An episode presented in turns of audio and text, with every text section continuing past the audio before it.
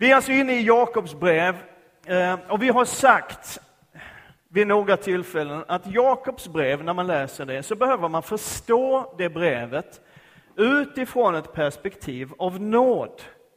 Därför när man läser Jakobs brev så upptäcker man att det är väldigt, väldigt många uppmaningar, liksom direktiv. Så här ska du leva och så här ska du inte leva. Gör så här, men gör inte så. Det är massvis med sånt där.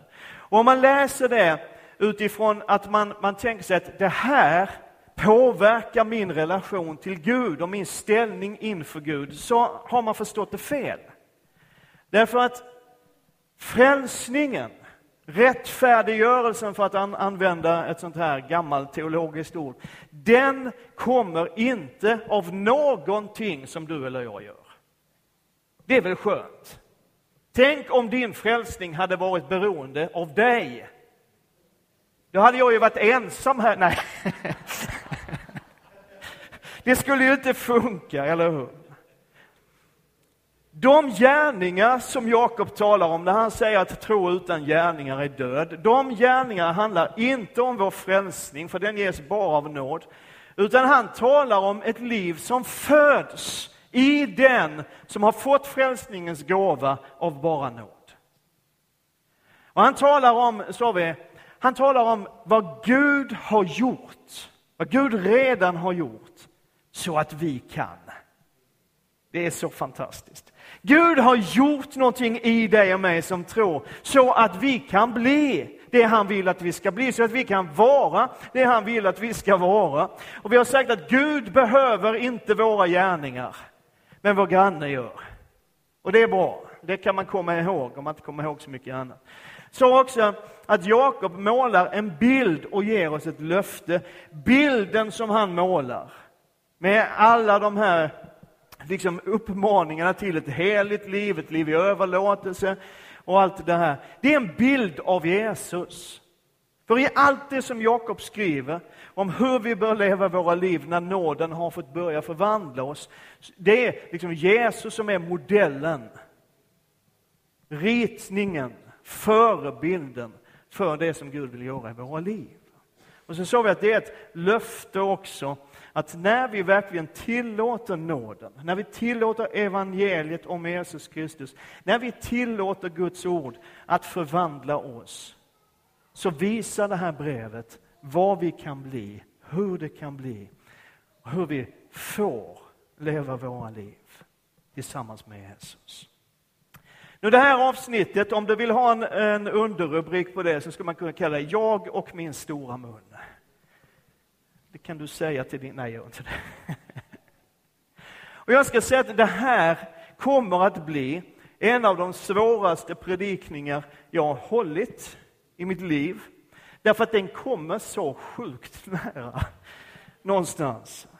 Så det, jag predikar till mig själv idag. Eh, det gör jag i princip varje söndag så predikar jag till mig och så får du lyssna om du vill. Idag är det ännu mer så. Jag predikar till mig själv. Okej? Okay? Och så får du lyssna om du vill. Och vill du inte det så börjar kaffet bli klart där ute om en liten stund. Har, har, du någon gång gått ifrån ett möte med en annan människa och efteråt liksom frågat dig själv, varför sa jag så? Någon mer som vill bekänna? Eller har du som, som eh, lever i en relation, har du, har du någon gång suttit hemma med din fru eller din man och känt liksom under det här samtalets gång så, så förändras plötsligt atmosfären och det blir iskallt och du undrar, vad sa jag nu? Ja. Eller kanske någon enstaka gång, det här händer inte så ofta, inte i mitt liv i alla fall, precis raka motsatsen.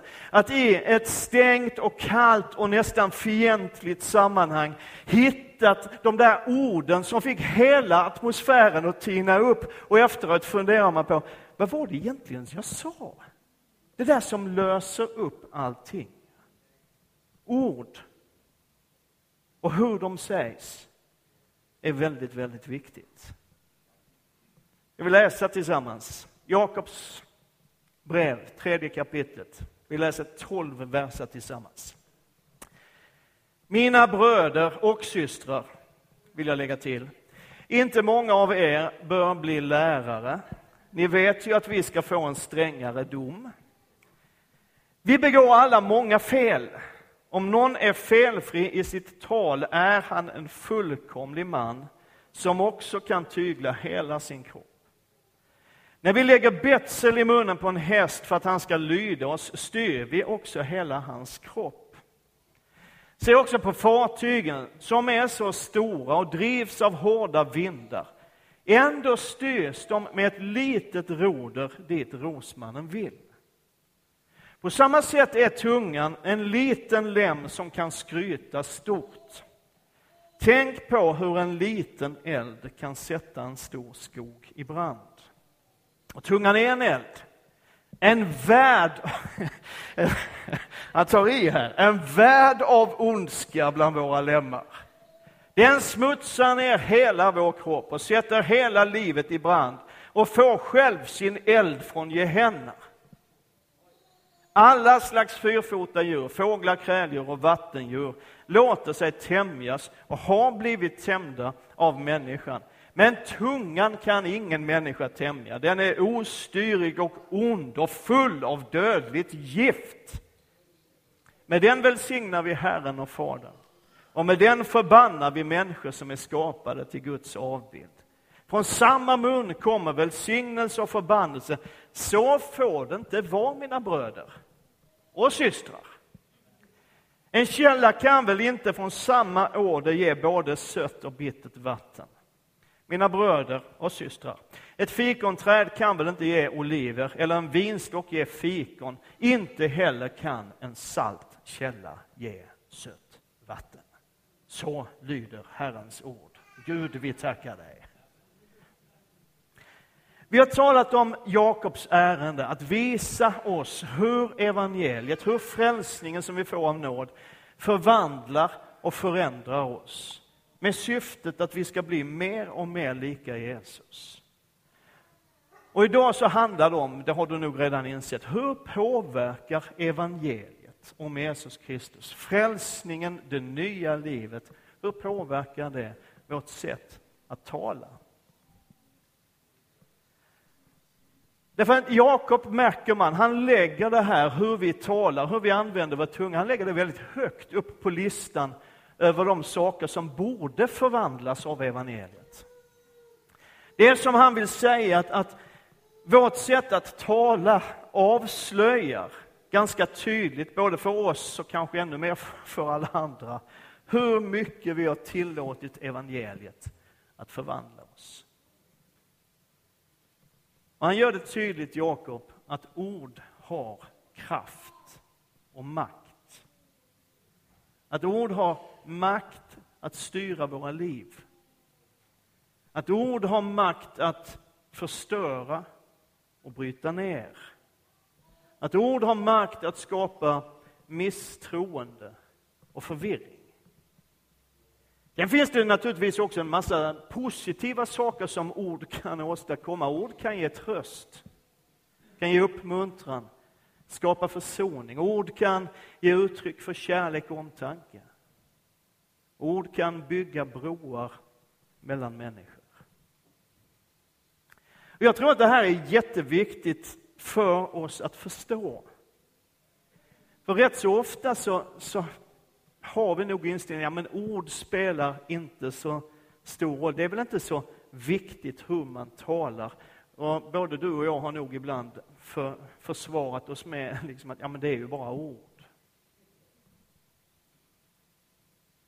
Men de ord som vi säger och det sätt som vi säger det vi säger påverkar våra liv, påverkar andra människors liv, kanske ibland mer än någonting annat vi gör. Och enligt Jesus, så det här är, nu blir det skarpt, enligt Jesus är vårt tal, det vi säger, det vi talar, en indikator på vad som pågår i vårt inre, i våra hjärtan, i vår inre värld. Jesus säger så här, vad hjärtat är fullt av, talar munnen. Och det där, jag tycker nästan att det är läskigt. Om jag ska vara ärlig. Alltså Jesus säger ju faktiskt att vi säger ingenting som inte finns inom oss. Och ibland så säger vi någonting som vi inser att det där landade inte så särskilt bra och så säger vi för att släta över, jag bara skojar. Och ibland så säger jag, men det var ju bara som jag sa. Ordspråksboken säger att där orden är många uteblir inte synden. Så du som pratar mycket, jag är så introvert så jag säger ingenting mer än när jag står här i talarstolen. Men, men grejen är, och jag tror vi behöver ta till oss det, vi behöver fatta det, att ju mer vi pratar, desto större är risken att vi gör någon illa med våra ord. Ju mer vi håller på att prata, desto större är risken att vi syndar med våra ord. Och när vi ändå är i Ordspråksboken står så här i det 18 kapitlet och den 21 versen. Tungan har makt över död och liv. De som gärna brukar den får äta dess frukt. Det är tyst idag i ena kyrkan. Vårt tal handlar om liv och död. Och våra ord kan döda faktiskt eller ge liv. Och faktum är, tror jag, att våra ord bidrar till att skapa en verklighetsuppfattning och en självbild, både hos oss själva och hos andra människor. För om vi tänker efter, det sätt som du tänker om dig själv, din självbild, är ju faktiskt i mångt och mycket en summa av vad andra har sagt om dig och till dig. Och Det är svårt att se på sig själv och förstå vem man är utan att väga in allt det som har sagts om en genom livet. Och en del har vuxit upp i familjer och sammanhang där det på något sätt det var omöjligt att göra rätt. Jag har pratat med ganska många människor som har levt sitt liv, haft sin uppväxt på det sättet. Det var omöjligt att göra rätt. Hur man än gjorde så var det fel. Och så har människor genom sina ord förmedlat bilden av att det var eller är någonting fel på dig. Och du vet, det som sägs om oss bär vi med oss. Om allt man får höra från olika håll är att du är hopplös, eller du är dum, eller du är misslyckad, så kommer det förr eller senare att bli en väldigt stor del av en människas identitet och självbild. Sen finns det andra som har fått ständig uppmuntran och ständigt fått höra att det är bra. Du är fin, du är vacker, du är duktig, du duger. Och det skapar en annan självbild. Dina ord och mina ord kan bygga upp eller bryta ner. Kanske är det någonting som vi alla borde fundera lite grann på då och då. Du som är förälder, vilken bild får dina barn av sig själva av det du säger till dem? Vi som är äkta män, vilken bild av sig själv får din fru av det du säger till henne? Jag tror inte att du kommer undan, du som är hustru. Vilken bild får din man av sig själv genom det du säger till honom?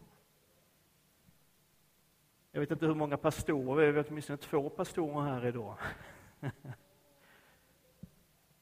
Du som är pastor. Jag predikar till mig själv. Vilken bild av sig själva får dina församlingsmedlemmar av det du förmedlar till dem? Den värld vi skapar omkring oss, den atmosfär som vi skapar omkring oss med våra ord. Är den en värld och en atmosfär av rigida lagar och regler eller är den värd en atmosfär av överflödande nåd? Längtar din fru eller din man eller dina barn efter att komma hem på kvällen? Därför att de vet att hemma det är en plats av uppmuntran, av nåd och kärlek som överflödar. Längtar de efter att du ska komma hem? Eller är det rätt skönt när du är borta? Därför då slipper man de där skarpa orden. Ord kan gå väldigt, väldigt djupt och formar vår existens. Och Det är det här som Jakob är ute efter, tror jag, när han använder de här tre bilderna i verserna 3 till 5. För att få oss att förstå att våra ord faktiskt kan styra och ge inriktning till hela vårt liv och andra människors liv. Han talar om ett betsel som man lägger i munnen på en häst. Han talar om ett, ett roder, den lilla delen av ett skepp som ändå sätter kursen. Han talar om en liten eld eller en gnista för att visa att, att även om ord kan verka vara små och betydelselösa så bär de med sig en makt över våra liv. Han talar om hur en del ord är destruktiva, skadliga, som små gnistor som kan ödelägga så väldigt mycket. Och I kapitel 5 så tar han upp ett par exempel på ord som bryter ner. Han säger så här i 5 och 9. Klaga inte på varandra. Och Det handlar om kritik och det handlar ju inte om att, att ibland då och då påpeka någonting, utan det handlar om den här viljan att ständigt kritisera. Har du märkt hur lätt det är att hitta fel? Nej. Som någon tänkte nu, nu står pastorn med händerna i byxfickorna igen. Det är jättelätt att hitta fel i alla möjliga sätt. Jag är expert på det området. Det är det bästa jag är på, höll jag på att säga. Jag kan hitta fel på det mesta och hos de flesta. Men grejen är att jag är bättre på att hitta fel hos andra än hos mig själv. Jag tänker om vi kunde lära oss, du och jag, att vara lika överseende med andra som vi är med oss själva. För när det gäller oss själva och våra fel och brister har vi alltid en bra förklaring. Eller hur? I den tolfte versen i det femte kapitlet säger han så här. Låt ert ja vara ja och ert nej vara nej, så drabbas ni inte av domen. Vad betyder det? Det betyder tala sanning. Vi ska titta mer på den versen i den sista predikan i den här serien. Men det han säger det är, säg inte nej om du menar ja, säg inte ja om du menar nej. Och det här med att tala sanning, det är någonting som många kristna har tagit fasta på. Och det är väl bra? Vi insett att vi som kristna alltid är under ed. The truth, the whole truth and nothing but the truth, so help me God. Det är bra, eller hur? Men sen finns det några kristna, inte i den här församlingen, inte alls, utan i andra församlingar någon annanstans. Så finns det vissa kristna som liksom tar det här med att tala sanning ett snäpp längre. Och de talar det de upplever vara sanningen hela tiden. Inte här, men i andra kyrkor, på andra platser. Och så vill man ju inte framstå som kritisk och dömande, det vill ingen av oss. Så man döljer sin kritik och sitt dömande bakom, jag säger ju bara som det är. Och här är en grej, life lesson.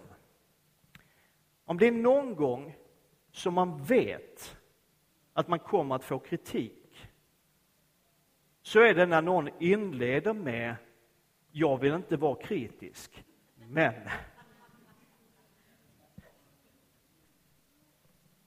I en församling där jag arbetade så hade jag en, en broder i församlingen som inledde nästan varje konversation vi hade med de orden.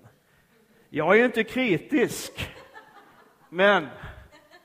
Och det där pågick i en tid och till slut så, så kom han in på expeditionen och, och, Och liksom han började med det. Du Christer, jag är ju inte kritisk. Och då avbröt jag. Så sa jag, du är den mest kritiska människa jag någonsin har träffat. Och det blev ett bra samtal av det. Alltså de här som kommer och säger, jag vill inte vara kritisk, men de här som säger, jag säger ju bara som du är. Grejen är att du säger inte alls bara som det är. Utan du säger det du upplever vara som det är. Och det är en viss skillnad på det. Och så glömmer man att man faktiskt inte måste säga allt som är sant eller upplever vara sant. Åtminstone inte hela tiden. Vet, allt du säger ska vara sant, men du behöver inte säga allt som är sant ständigt.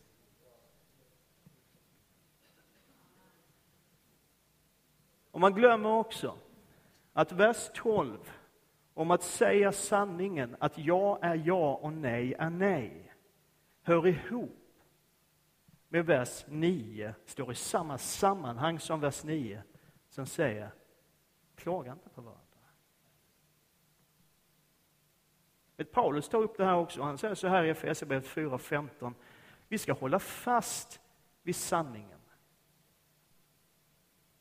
i kärlek. Och på alla sätt växa upp till honom som är huvudet, Kristus. Vi ska hålla fast vid sanningen i kärlek. Eller som det står i den engelska översättningen på väggen här. Vi ska tala sanning i kärlek.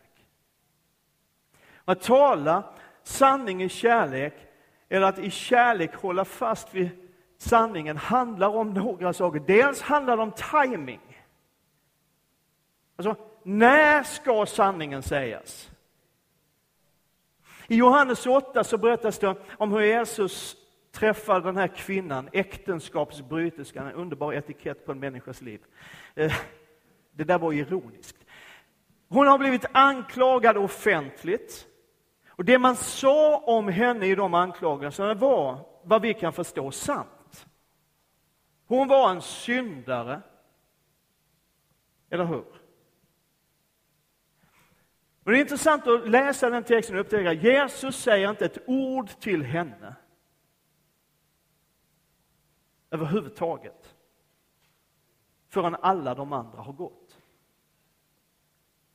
Han säger ingenting till henne förrän alla andra är borta. När han är ensam med henne, då pratar han med henne om hennes synd och hennes liv och hur hon kan få det.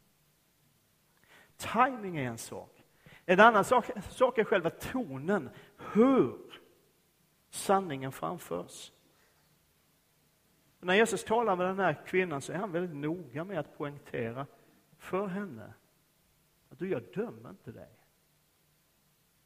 Men det finns ett annat liv att leva än det du lever nu. Gå nu och sluta synda, din lilla hedning. Nej, det säger han inte.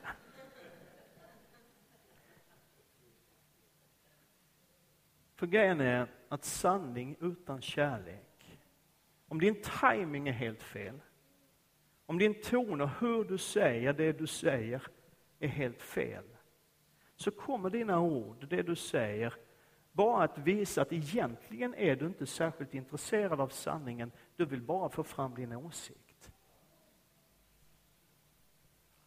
Och ännu mer så kommer den att visa att du i grunden inte är särskilt intresserad av den här människan.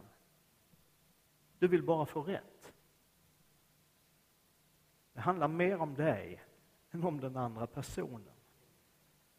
Jag skulle vilja påstå att sanning utan kärlek är i grunden radikalt självcentrerat.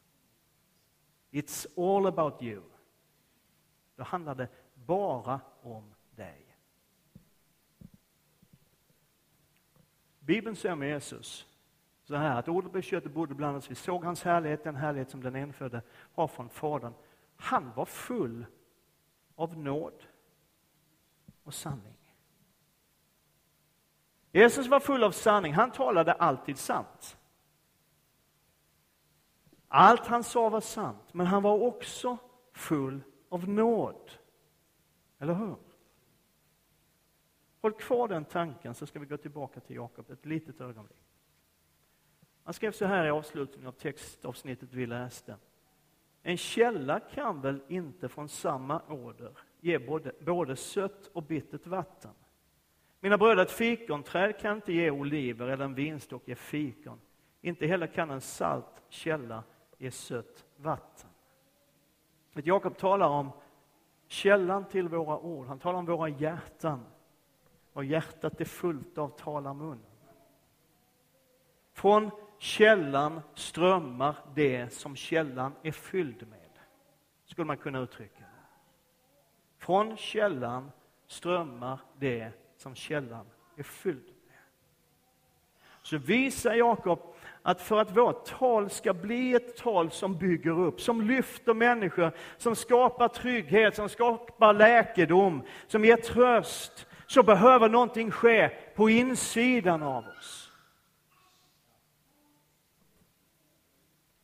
Källan behöver förvandlas. Och då är ju frågan, och det här är ju egentligen själva huvudpunkten i hela predikan, jag är snart klar. Hur blir mitt tal fyllt av kärlek? Och jag tror att det är genom att förstå och inse vad Gud har gjort så att vi kan bli. Vad Gud har gjort för dig och i dig så att du kan bli och vara det han har tänkt. I Lukas 7 så är Jesus på nytt i en sån här situation med en kvinna som uppenbarligen har levt ett liv i, i synd.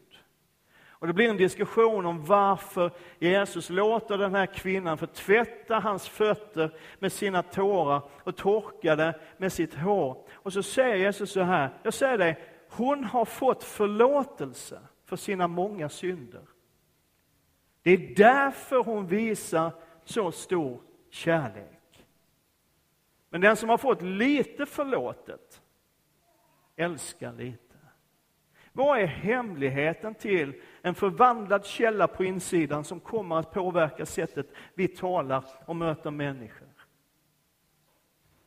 Att få mycket förlåtet. Eller hur?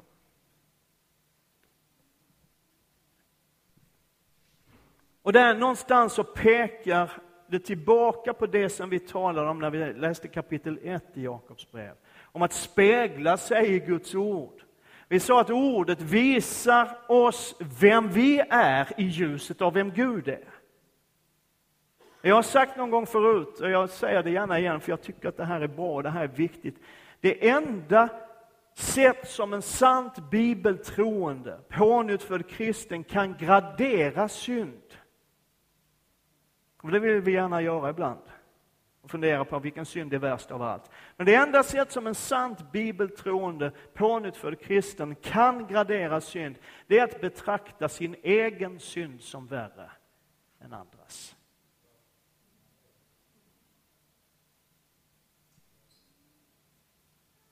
Vet, det går inte att ärligt läsa Guds ord utan att komma till insikt om att det finns väldigt mycket som jag behöver få förlåtet. Det går inte. Och den som har fått mycket förlåtet älskar mycket. Det kommer att påverka ditt tal. Det kommer att påverka vad du säger hur du säger det och kanske också varför du säger det. Och att folket sa? Amen.